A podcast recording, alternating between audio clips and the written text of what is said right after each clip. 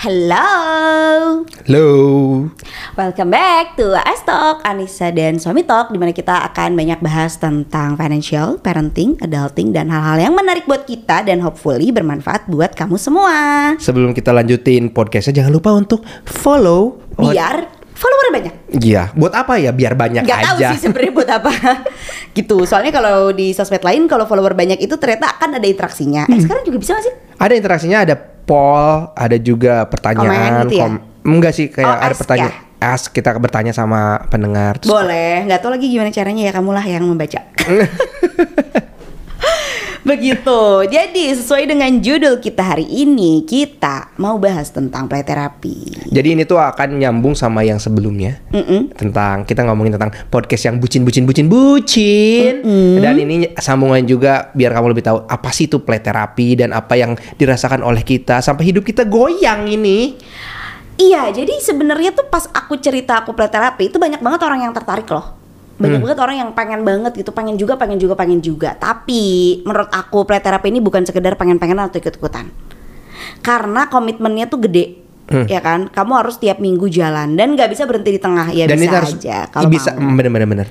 Itu sih yang susahnya harus apa ya harus konsisten kita ya. Iya, karena ada exitnya gitu. Kamu diputuskan bisa exit di setelah pertemuan keberapa. Kalau berhenti di tengah ya jadinya kamu nggak selesai gitu. Kalau aku sih nggak menyarankan. Itu yang pertama. Yang kedua, si praktisinya tuh masih sangat sedikit. Ya, jadi kalau nanya rekomendasi play terapi kak nggak usah cari rekomendasi lah. Dapat jadwal aja udah alhamdulillah. Ya kan dapat jadwal yang cocok sama jadwal kita aja tuh udah alhamdulillah banget. Bener bener bener. karena kayak gak bisa nih gitu. Susah banget karena memang masih sangat sedikit. Jadi kalau preterapi anak itu kan terapi lewat bermain ya jadi therapeutic play gitu. Ternyata bermain itu ada efek terapeutiknya tapi kalau dewasa itu sebenarnya namanya lebih sering dibilang dengan uh, creative art therapy. Jadi di mana kita uh, terapi menggunakan medium art, Art. Mm-mm. Ya bisa menggambar, iya. Bisa melukis, bisa mewarnai ya banyak lah yang berhubungan dengan art. rakyat-rakyat perfeksionis seperti aku ya. Dan aku melihat teman-teman aku gitu ya kenalan-kenalan aku ketika dibilang art terapi mereka udah takut duluan kenapa? Takut gambarnya jelek kalau kamu mau terapi aja takut gambarnya jelek kamu perlu terapi sih menurut aku Iya bener karena kamu tidak percaya sama diri kamu sendiri Iya, gitu. kayak kok bisa? Kan kamu justru kamu perlu terapi gitu. Karena si terapis ini bukan lomba gambar, dia juga bukan artis, dia nggak akan ngejudge gambar kamu jelek. Mau kamu menggambar dua kotak lalu kamu bilang ini aku dan anakku juga nggak masalah. Hmm. Gitu. Dan- yang dinilai bukan artnya. Iya bukan artnya. Dan kedua katanya gini ah, kalau misalnya coaching aku nggak mau coaching atau misalnya nggak mau coaching sama aku nanti takut dikulitin gini. Jadi untuk kayak terapi gini kayak coaching gitu ya itu ada kode etiknya bahwa setiap ah, informasi yang dari klien tuh nggak dibilangin ke siapa-siapa. Yang tahu tuh cuma kamu dan terapisnya. Atau kalau misalnya memang cukup berat akan diomongin ke supervisornya. Supervisor yang memang senior lah ya. Dan itu nggak akan ke mana-mana informasinya. Hanya kamu dan mereka aja yang tahu gitu. Kamu. Iya dan sebenarnya itu sama aja kayak kamu cerita sakit kamu ke dokter. Oh iya, iya kan nggak boleh ceritain juga ya Iya si dokter juga nggak boleh loh ceritain pasiennya. Kadang-kadang dokter suka cerita nih di Instagram ada pasien saya yang gini-gini tapi kan nggak nyeritain orangnya siapa. Hu-nya itu nggak dibilang nggak ya diceritain gitu itu ada kode etiknya juga gitu dan mental health juga sama kamu kan nggak bohong dong sama dokter kayak nih kalau aku bilang lambung aku sakit nanti dokter aku iya kalau kamu nggak bilang lambung kamu sakit gimana dokter kamu bisa eh, mendiagnosa kamu gitu begitupun dengan terapi-terapi dan eh, mental health lainnya ya kalau nggak bilang apa yang dirasakan ya gimana dia bisa tahu gitu Nah jadi kalau misalnya dari situ kita bisa kayak ngambil kesimpulannya bahwa untuk bisa mau terapi ka- kamu memperbaiki diri kamu sendiri harus memang harus jujur dulu dari diri kamu sendiri dan kamu juga mau untuk berubah. Mm-mm. Uh, karena waktu itu juga ada klien yang daftar ya istrinya. Terus dia daftarin buat suaminya ternyata Eh, suaminya kan ogah-ogahan. Artinya harus mau datang dulu dari pasangannya mau atau enggak. Ini jangan didaftar-daftarin belum diobrolin atau belum gitu. Nanti juga hasilnya juga nggak akan maksimal. Karena kita nggak bisa menyembuhkan orang yang tidak mau disembuhkan. Eh, eh, sih. Dalam tanda kutip gitu ya. Kita nggak bisa menolong orang yang nggak mau ditolong. Gitu. Jadi kalau kamu ngerasa, aduh aku susah banget nih cerita sama psikolog. Kalau kita kan cerita terus ya sama psikolog. Kayak aku kreatif art terapi aja aku banyakan ngomongnya sih dibandingin gambarnya begitu. Banyak bacotnya aku aku banyakan ngomongnya ya kan. Berarti bukan kreatif art itu, bacot art kamu. tapi lu tapi maksudnya aku tuh bikin gambar itu sederhana aja karena aku aku jelasin aja deh mbak gitu Oh iya iya. Tapi Karena itu aku- eh tapi em- emang pentingnya itu ketika menggambar daripada menulis. Heeh. Eh, karena aku tahu sedikit lah ya. Jadi ketika terapi itu memang tidak ada tulisan tapi lebih ke gambar. Biar nanti berceritanya lebih luas. Tapi kalau kamu menul hanya dengan tulisan, kamu akan berkutat ya di daerah situ Karena aja. diksi terbatas ya. Iya benar-benar. pilihan kata tuh terbatas gitu. Nah, em, jadi biasanya tuh 12 sesi ya kalau anak ya. Katanya kalau dewasa Minimal tuh ya? Eh, minimal 12 sesi. Dan satu sesinya tuh beragam harganya. Yang di tempatnya kita ini kebetulan 500 ribu. Ini banyak ditanya orang soalnya rate Hmm. berapa. Kalau kamu waktu itu kan kamu sama sama yang udah senior itu kamu 750 ribu per, Per pertemuan. Kalau aku aku juga mbaknya belum terlalu senior tapi dia udah lima tahun praktek itu 500 ribu juga.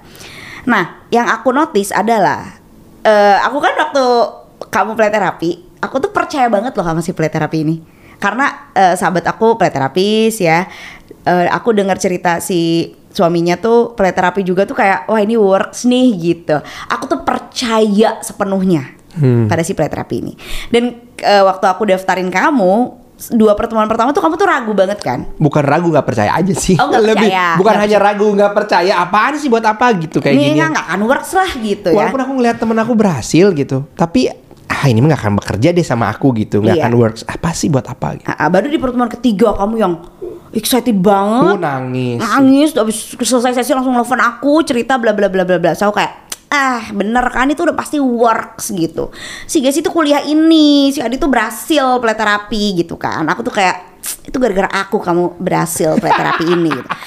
tapi pada saat aku yang terapi Hmm. itu kan aku juga diurusin sama kamu ya. Kamu yang daftarin aku segala macam karena sekalian sama Bebe kan. Si Bebe tuh by the way Silo itu semua urusan les dan urusan di luar sekolahnya tuh urusan kamu ya sayang ya. Kalau sekolahnya urusan aku. Jadi kayak kalau bayar sekolah dan urusan-urusan sekolah lainnya itu aku yang handle. Kalau di luar sekolah les dan ini itunya tuh kamu kan. Jadi terapi ini karena Silo udah duluan pre terapi aku didaftarin juga otomatis tektokannya sama kamu si adminnya. Jadi aku nyari waktu yang gak terlalu jauh dari biar da- abis kata kamu silo gitu Eh, kan. eh, nah itu jadi cuma ada di tempat itu doang. Ternyata di pertemuan pertama aku terapi, meskipun aku tahu ini udah works di kamu, aku tetap loh Ada ragu? ada kayak ini bener gak sih? Serius? Ini perte- eh, bukan pertemuan pertama, pertemuan pertama tuh kan asesmen yang belum bayar ya. Ah, assessment, Cuma oh, cerita, iya mbak aku tuh mau terapi karena suamiku udah berapa Oh, terapi. goalsnya apa Ah, gitu kan. Hmm. Pas goals itu aku tuh masih optimis gitu, kayak oke, we can do this. Yay. Karena kan ngobrol doang. Begitu pertemuan kedua disuruh gambar, apa sih nih? Emang worksnya gitu? aku ada perasaan gitunya juga loh. Ini emang ngaruh ya gitu. Kok gini sih gitu kan? Aku disuruh gambar obstacle dalam hidup tuh waktu itu. Jadi disuruh nitikin kondisi aku sekarang lagi di mana, terus goals aku di mana dan obstacle-obstacle-nya apa tuh harus digambar. So kayak apa sih udah susah lagi aku nggak bisa nggak bisa lagi aku tuh menentukan kayak kamu kamu tuh lebih bisa loh menet- uh, visualizing visualizing something dibanding aku Mhm. ya kan kayak kamu misalnya ruwet kamu tuh bisa gambarin ruwet tuh kayak apa Bukan bagus atau enggak ya, Iya. tapi aku mampu ya. tapi kamu bisa gitu kamu tahu apa yang harus kamu gambar aku tuh kayak ruwet tuh apa sih? apa sih gitu? nah makanya tuh aku ada ragunya nih yang pertama. Kok gini sih? Kok kok gini gitu? Emang ini gini ya gitu kan? You feel me ya? gitu. Baru kayak ber- beberapa pertemuan berikutnya udah mulai kelihatan benang merahnya baru aku kayak hah?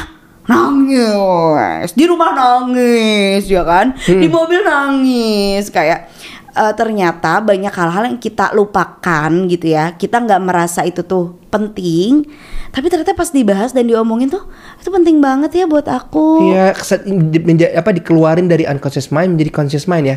Jadi jadi jadi jadi menjadi kesadaran baru. Sebenarnya kesadaran lama tapi terda ada tertumpuk, Terkubur. terkubur, terus dikeluarin dari kuburannya.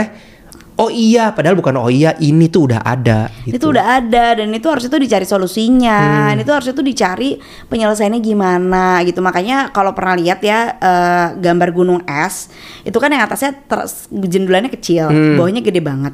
Nah, kalau dalam psikologi itu aku pernah di-share juga eh, conscious mind kita, apa yang kita ingat, apa yang kita tahu, apa yang kita rasa benar, itu tuh cuman si gunung es atasnya yang kita lupakan, yang terkubur, yang mungkin kalau diingat itu terlalu sakit, terus segala trauma, segala pengalaman-pengalaman yang kita kita pengennya tuh lupakan gitu ya. Padahal itu harusnya diselesain dulu biar conscious kita lebih baik gitu ya. Itu ada di bagian bawah.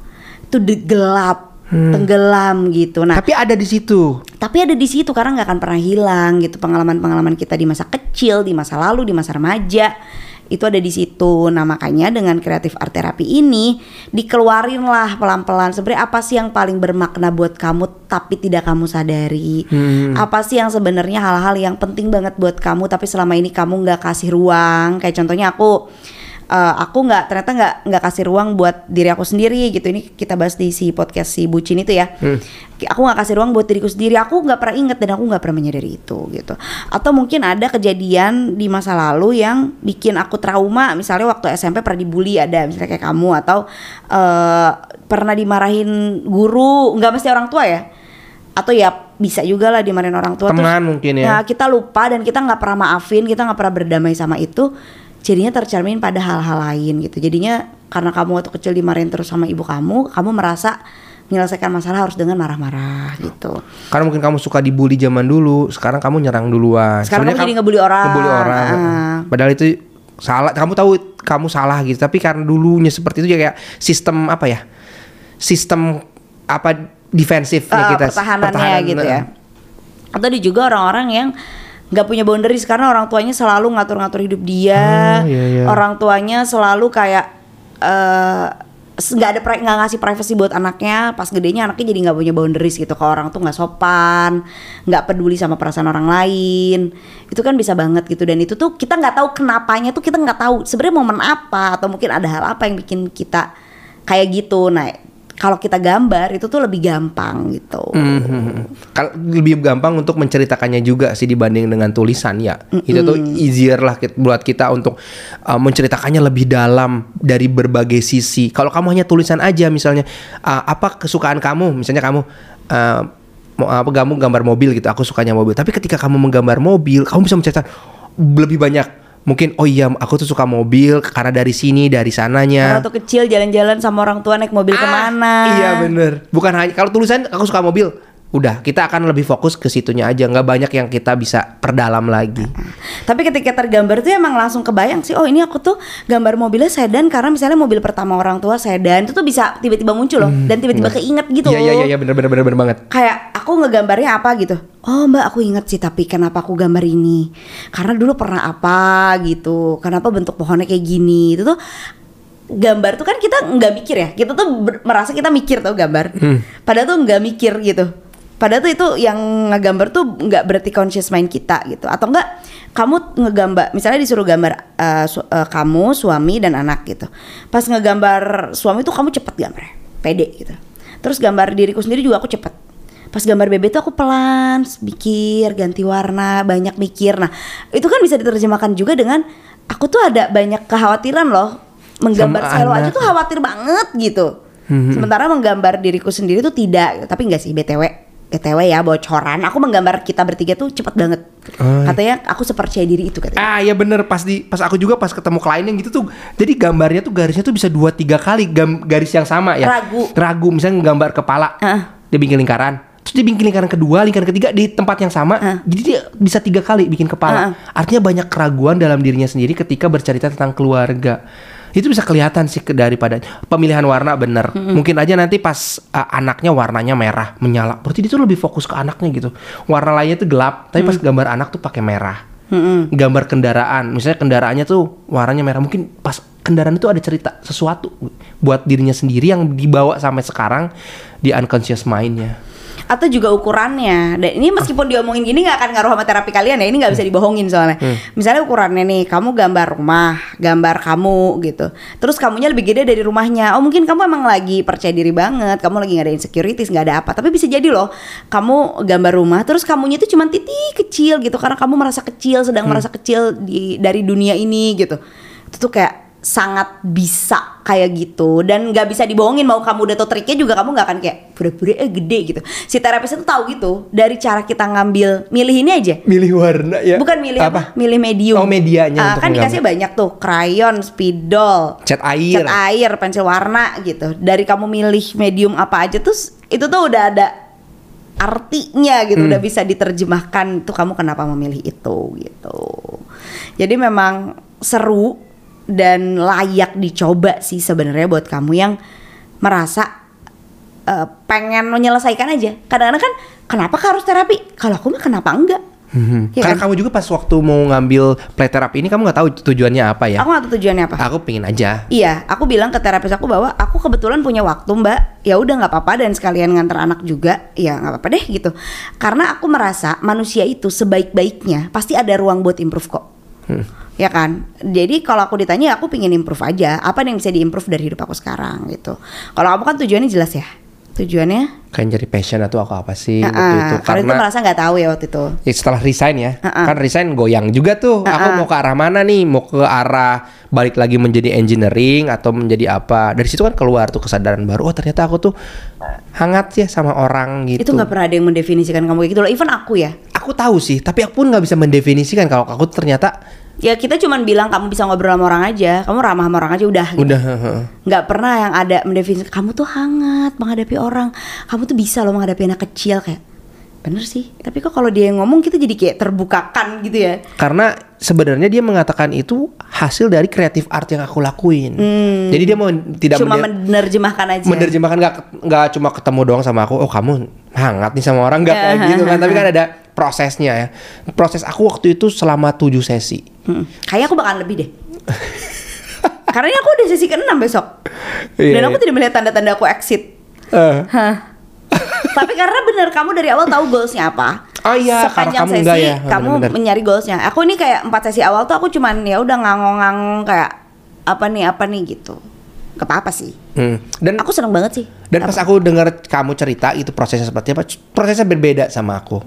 Artnya yang kita lakuin pun berbeda. Ya mungkin kalau si disuruh gambar apanya beda ya? Eh, disuruh gambarnya apa beda sama apa ya me- medianya. Medianya juga berbeda sangat berbeda. Jadi di pas eh, aku dengar kamu oh kamu gitu ya? Oh aku gini loh berbeda gitu. Jadi mungkin si terapis tahu sih kebutuhan kita seperti apa. Dia media apa yang harus dilakukan. Hmm, kamu tuh beneran yang bikin art ini ya, bikin crafty things gitu ya? Ah, ah, ada Ah, crafty aku, things, Aku belum sih.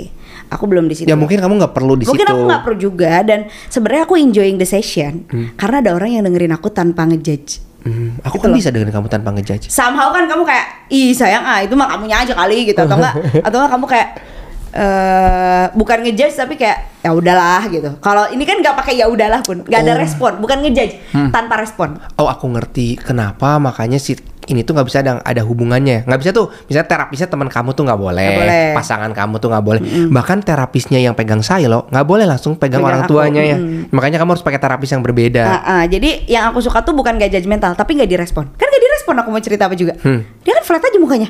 Iya, iya, Dia bener. bahkan tidak tersenyum, tidak tertawa. dia harus netral aja Dia netral aja terus. biar kita juga pas ngerjain kreatif artnya itu nggak merasa terganggu Iya. Dan pas aku ngejelasin gini juga dia kayak oh I see. Oh I see gitu-gitu doang. Nah begitu di akhir baru dia bilang aku boleh kasih komentar nggak baru tuh ngobrol santai sambil ketawa-ketawa tapi selama aku bercerita itu tuh no respon dan itu aku ternyata suka banget ya ngobrol panjang lebar hampir satu jam pada orang yang tidak merespon tapi eh, aku tahu dia memperhatikan aku gitu hmm.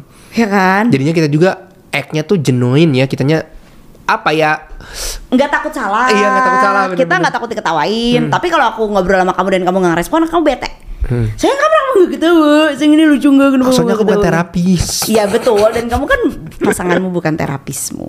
iya bener gitu. bener Nah itu kalau yang dewasa. Selo dulu deh terakhir. Nah kalau selo itu tujuan play terapinya adalah karena anak-anak itu nggak bisa ngomong, Hmm. nggak bisa mendeskripsikan sesuatu semudah orang dewasa. Meskipun Men- ada juga orang dewasa yang nggak bisa ya. Mendeskripsi kalau selalu tidak bisa mendeskripsikan apa yang dia rasakan ya lebih dalam. Kalau misalnya mendeskripsikan sesuatu barang cerita apalagi kalau fake fake ya udah bacot aja sih dia sama kita ya. You know that uh, apa gitu. Salmon, salmon ah udah kalau itu sih bisa mampu dia ya. Tapi kalau untuk ngomongin tentang perasaannya kadang-kadang kan suka ada delay satu dua hari. Dia misalnya sekarang dia manyun tuh kesel gitu. Kita tahu dia kesel. Oh ya kamu kesel tapi dia nggak mau cerita. Bisa cerita itu dua hari setelah setelahnya. Jadi kita ngambil respon ngambil langkah untuk mem- apa ya membantu dia juga nggak bisa tuh. Takutnya salah gitu. Dan ini tuh ber- eh, yang utamanya kenapa dia play therapy tuh karena dia anxious. Dan aku menyadari penuh sih kenapa dia anxious ya karena kamu juga sempet anxious gitu ya. Bahkan kamu sempet anxiety disorder. Dan aku sendiri juga banyak anxiety yang mungkin tidak kita omongin ke dia tapi kan terasa iya ya energinya tuh kayak tersalurkan ya. Ah, aku tuh ada ada sedikit anxious karena aku tulang punggung keluarga itu tuh ada pasti anxiety itu gitu ya. Meskipun nggak kerasa di dia tapi mungkin dia ngerasa juga. Aku tuh takut kucing itu juga energinya itu gede banget. Aku takut kucing sehingga dia juga merasa takut dengan energi sebesar itu juga tidak apa-apa gitu. Makanya ketika dia semakin anxiety-nya semakin parah aku berusaha banget nih aku nggak histeris lagi deh kalau depan kucing. Ya udah sok cool aja gitu. Aku pegang kucing. Aku berusaha kalau aku anxious daripada terasa mendingan ngomong aja aku lagi cemas kenapa gitu biar dia ngikutin juga gitu. Jadi kalau saya lo tuh konsepnya beneran main ya. Mm-mm. Beneran disuruh ambil mainan terus disuruh main. Main di pasir. Main di pasir basah, pasir kering, pakai mainan gitu dan kata dia dia tidak mau selalu cerita. Di sesi yang kemarin dia nggak cerita sedikit pun dia ngapain. Dia hanya main aja. Oh Enggak, ke kitanya ke aku, Oh iya ke ke aku. kita bener-bener. di sesi sebelumnya tuh dia cerita padahal cuma cerita ngambil mainan apa gitu atau enggak cerita apa gitu. Tapi kalau itu no no no no a secret gitu. Ya udah aku juga nggak pengen tahu sebenarnya. Yang penting ada prosesnya aja. Karena kar- pas bermain itu katanya mainan yang dipilih aja udah unconscious tuh. Ya kan? Eh, ada anaknya teman aku yang play terapi juga. Dia tuh ngambil eh, pinguin ibu pinguin bayi kecil terus di depannya tuh pakai tentara banyak yang tentaranya tuh megang senapan banyak gitu Oh yang bawa senjata, bukan yang bukan lagi yang jalan kaki atau berbaris gitu. Iya, kenapa nih anaknya cewek loh padahal gitu ya. Terus dirunut-runut ke ibunya ternyata waktu hamil dia, ibunya tuh stres berat gara-gara bapaknya sempat kehilangan pekerjaan atau apa gitu. Jadi itu tuh ketakutan dia. Jadi itu dia ngerasa dong bahkan pada saat dia masih dalam perut, dia merasa banyak ancaman. Hmm. Itu didefinisikan dengan pinguin gede ibunya gitu ya, bawa pinguin bayi di mau diteror sama banyak tentara bersenjata Oh. gitu. Nah itu kan kita nggak pernah nyadar ya ngapain ini anak cewek? Mikirnya anak cewek bakalan ngelihat princess princess eh bakal ngambil mainan princess princess aja. Ternyata Hmm. enggak gitu. Dan Selo juga sama jadi dia ngambil mainan-mainan kayak gitu terus sama dia dimainin. Bahkan cuma dioprek-oprek doang pasirnya cuma diaduk-aduk doang tuh si terapisnya bisa ya Hmm. untuk mendefinisikan apa yang dia rasakan. Soalnya bisa ada clue-clue dari wajah, dari kayak apa reaksi oh mukanya. iya dari menghela nafas. Menga- eh, itu banyak apa ya clue-clue yang bisa diambil lah sama terapis. Yang mana di dalam ruangan terapi itu kita nggak bisa ngelihat. Hmm. Dan ada beberapa yang memang kalau misalnya anaknya nggak boleh cerita sama kita, ya itu menjadi rahasia mereka berdua ya. Dan terapis itu harus menjaga itu juga. Ini misalnya ini jangan diceritain sama ibu atau apa gitu. Ya udah itu menjadi mereka berdua rahasia gitu. Juga bisa seperti itu sih. Dan sebenarnya kamu harus percaya dulu sih kalau play terapi anak ya. Hmm. Karena kalau kita dewasa kan kita ngerasain. Kalau anak kan ini bener gak sih? Si Hmm. bebeknya juga nggak tahu bakalan works apa enggak. Kitanya juga ragu gitu ya. Kalau kitanya percaya udah jalanin aja. Kalau aku beneran nating tulus gitu kayak aku percaya di nanti pada saat di exit dia akan menjadi pribadi yang lebih baik. Ya udah that's it gitu. Nggak perlu dipertanyakan gimana nih metodenya. Emang harus kayak gitu. Kalau udah mempertanyakan gitu mendingan tidak usah Hmm. ya kan karena ini kan aliran-aliran apa ya kuliahnya jelas lama banget pula gitu harus prakteknya ini itu kalau kamu udah nggak percaya udah kamu kan berarti tidak menghargai proses mereka belajarnya juga ya nggak usah gitu Dan kenapa harus lama banget ada kalau dewasa 6 sesi? Karena kita mampu untuk berkomunikasi dengan baik. Kita menggambar, aku menceritakannya dengan baik. Oh iya ternyata aku tuh ketergantungan sama suami. Itu tuh gampang karena kita udah prefrontal cortexnya udah mateng, ya punya pengalaman yang banyak, diksi-diksi juga yang dipilih juga ya udah banyak. Tapi kalau anak kecil, bayangin loh dia ya ngomong aja susah ya, banyak belum banyak kata-kata ya dengan main itu dia menceritakan apa yang dia rasakan. belum lagi kan ada adaptasi sama terapisnya juga kan ya ada anak-anak yang di pertemuan pertama langsung main bisa pasti ada ya Hmm, adalah pasti Tapi itu kan aku kalau percaya. Saila tuh kayak pertemuan pertama gak ada suaranya, pertemuan kedua suaranya pelan, pertemuan ketiga baru mau ngomong, pertemuan keempat baru mau des- describe gitu. ya. Pertemuan kelima mau nyapa terapisnya di ruang terapis, di luar, di luar ruang Iya. terapis di parkiran ada gitu. Halo Miss gitu dia. Nyapa. Dan gitu. minggu depannya dia bilang bahwa kayak aku nyapa kamu. Iya, gitu. tapi kok kamu gak denger terus dia terapisnya cerita, "Oh iya aku minta maaf aku gak kedenger itu mungkin di jalan raya banyak kendaraan jadi gak kedengeran." Oh iya Itu gitu kan ya. tapi butuh waktu yang lama. Jadi ya jalanin aja. Tapi yang aku mau nanya sama kamu adalah, aku kan merasakan sendiri ya dari minggu ke minggu aku terapi itu berantakan banget dan aku ada sih yang berantakan banget. Ada juga yang aku merasa aku harus improve gitu kayak minggu lalu aku dibilang harus bisa lebih punya anchor sama diri sendiri, harus lebih mandiri segala macam. Oke, aku langsung berusaha mandiri gitu. Ada juga minggu-minggu yang nangis terus karena emang topiknya insecurity sampai di Instagram aku topiknya insecurity sampai di rumah tuh kayak "Ah, nangis lagi nangis lagi kenapa aku Sampai kayak kamu pernah gini?" nangis banget terus ngambek sama aku ya. bener-bener histeris gitu ya nangisnya itu kan pernah Iya bener jarang banget kamu nangis kayak gitu sih. karena nggak pernah keluar juga sebenarnya Heeh. aku kan sosok kuat aja gitu ya kan nggak pernah ada yang ngebuka si luka insecure itu nggak ada gitu. Nah pertanyaan aku waktu kamu terapi 6 minggu itu kan aku nggak tahu tuh Tujuh minggu actually. Oh tujuh iya tujuh minggu itu kok nggak tak kan aku nggak tahu ya bahwa ada ternyata momennya itu berantakan itu sepanjang minggu gitu Hmm. bukan hanya setelah terapi doang kan ini aku setelah terapi di mobil aku cerita sama kamu mewek mewek gitu ya besoknya aku masih kepikiran masih nangis lagi Iya. besoknya masih journaling masih kayak masih kayak gitu gitu gitu waktu kamu kayak gitu gak sih Iya benar-benar. oh kamu juga kayak gitu ya Jadi si jadi si terapi si play terapi ini efeknya tuh bukan hanya ketika kamu di dalam ruangan. A- Yang ini berdasarkan pengalaman yang aku rasain ya. Bukan hanya dalam pengalaman, bisa aja pas pulang naik motor. Bisa aja dua hari setelah itu. Makanya kenapa harus seminggu diulang-ulang terus biar efek terapi apa terapeutiknya tuh berlanjut. Nggak bisa kamu on off on off nanti harus ngulang dari awal lagi.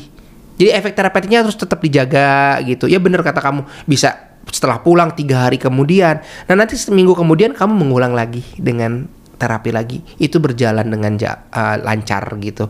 Bagus lah eh, terapinya. Pas aku ngambil filial, aku pun nanya hal ini. Miss, kenapa sih memang seperti itu? Ya memang benar. Mana bahwa memang di unconscious mind kita kadang-kadang keluarnya tuh ada spike gitu. Keluar. Ada nggak terlalu dalam mungkin tapi along the way kamu memikir-mikirin keluar gitu. Pas aku waktu itu adalah ternyata kesadaran baru aku, kenapa aku takut banget tentang kematian?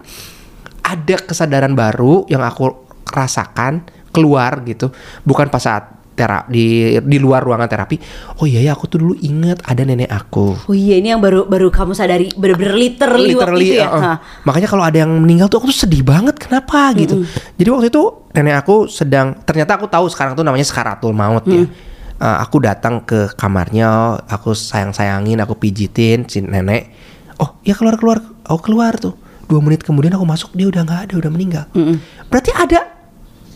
Kok ah, dia meninggal terus lepas dari aku udah gitu dia meninggal dan itu gak ada closure. Dan gak ada yang bahas juga sama kamu. Nggak ada yang bahas juga. Mungkin waktu itu waktu masih kecil ya. Aku masih kelas 1 2 2 SD deh kayaknya. Nggak ada closure. Dari situ sampai sampai dewasa ke bawah. Grievingnya ada. grief nggak ada grieving jadinya ya. Ya nggak, jadi justru karena kamu nggak mengalami si proses grieving, si grievingnya tuh nggak diproses gitu, perlu diproses gitu. perlu kan. diproses. Jadi aku nangis terus aku nelfon sama bapak aku pak kayaknya aku mau ke uh, kuburannya nenek. Aku mau seleb perlu di celebrate itu. Aku merayakan kesedihan aku Uh, aku inget banget nenek aku tuh suka ayam goreng. Aku pingin nanti deh ke kuburan. Terus aku bawa ayam goreng aku makan di sana gitu. Kayak itu perayaan diri aku sendiri untuk closing gitu. Makanya sekarang kalau ada yang meninggal saudara atau siapa aku akan nangis. Aku merayakan aku nggak mau menahannya itu gitu. Waktu pas adik aku meninggal anaknya setelah aku menangis tuh cuma dua hari. Tapi di situ aku lebih tenang gitu. Aku bisa nerima bahwa oh dia meninggal keponakan aku gitu Nah, kayak Da- gitu. Dan dan momen itu tuh nggak kamu ingat sampai kamu play terapi kan? Enggak, oh bener. Kayak udah pokoknya gitu aja titik aja takut aja sama kematian gitu. Hmm. Pas udah diulik-ulik segala macam, ah ternyata gara-gara itu. Berarti gitu kan. berpisahnya tuh kurang baik. Mm-mm. Ya terus sebenarnya kalau zaman sekarang mah kita bisa ajak ngobrol anaknya, how do you feel, gimana cry. Tadi tuh sebenarnya apa yang terjadi? Kalau orang tua zaman sekarang udah kayak gitu. Kalau orang tua zaman dulu pasti ya didemin aja kamu kayak gitu ya udah baik gitu kan. Kayak saya lo aja waktu itu ke- kehilangan kucingnya ya. Meninggal mati kucingnya gitu. Kita udah ke dokter beberapa kali ke dokter hewan. Padahal itu stray cat. Tapi kucing kucing itu yang nyapa dia pertama kali kita pindah ke rumah ini. Dia eh, sedih banget. Terus kamu nanya sama Gesi, "Gim- ini terlalu lama nggak sih Salo sedihnya? Terus kata teman kamu bilang kan, eh lama atau enggak tuh kata siapa? Gitu. Apa itu terlalu lama? Deng. Iya ya kita yang menilai ya harusnya anak yang menilai. Ya mungkin buat anak memang perlu se- sedih beberapa hari itu. Dan bahkan gak beberapa hari ya kan dia nangis tuh kayak nangis gitu. Nangis tuh bener-bener nangis ya. Oh, oh, gitu gitu kan. Udah, habis itu kata dia udah. Dan ada kayak momen-momen beberapa bulan kemudian dia tiba-tiba ngomong itu lagi kayak eh, kayak aduh jadi inget lagi sama si Darky gitu. Kenapa Azul mau nangis lagi? Iya dia aku mau nangis dulu. Itu dia nangis dulu. Itu kan sehat ya, grieving yang sehat gitu. Bukan yang udahlah nggak apa-apa, diabaikan, diabaikan, diabaikan itu dipendam, dipendam, dipendam. Kelar di masa depan terjadi sesuatu. Gitu ceritanya. Jadi kenapa play therapy ini bikin hidup kita goyang memang sih. Itu Goyang banget. dan conscious mind kita tuh banyak banget hal Tapi yang memang gila ya. aduh. Setelah kamu play terapi itu kan kamu langsung drastis ya. Kamu switching karir, kamu eh enggak sih kamu resign dulu, tapi sebelumnya kan kita nggak tahu ya pas kamu resign tuh kamu mau apa. Hmm. Yang penting resign dulu aja deh sembuh dulu anxiety disordernya. Tapi setelah terapi jadi lebih tercerahkan. Oh ternyata pengen jadi terapis. Oh ternyata ini adalah hal yang aku suka ketemu orang gitu-gitu kan. Sampai aku berani bikin konten gitu ya, bikin akun juga gitu sekarang. At Bumina kami jangan lupa jangan follow ya. Follow follow follow follow dulu follow dulu. Buka buka buka handphone buka handphone. At Bumina kami di Instagram. Ya jadi benar-benar menjadi pribadi yang berbeda. Nah kalau aku nih aku benar-benar masih no clue sebenarnya karena aku tidak merasa aku ada trauma apa-apa. Tapi biasanya manusia-manusia yang merasa tidak ada trauma apa-apa tuh ada aja lah gitu dah. Nggak mungkin ya eh, hidup tanpa trauma sama sekali. Cuman kan sebisa mungkin traumanya minim aja.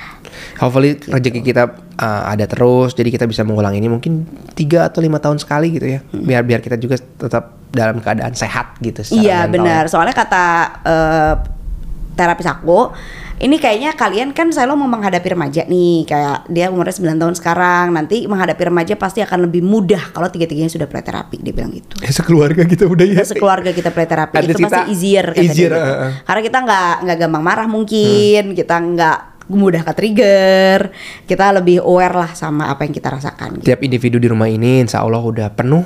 Jadi misalnya kita uh, nggak nggak terlalu kosong lah. Kalau misalnya terlalu kosong nanti malah terlalu tentang diri diri kita sendiri dan lupa validasi anak dan validasi pasangan.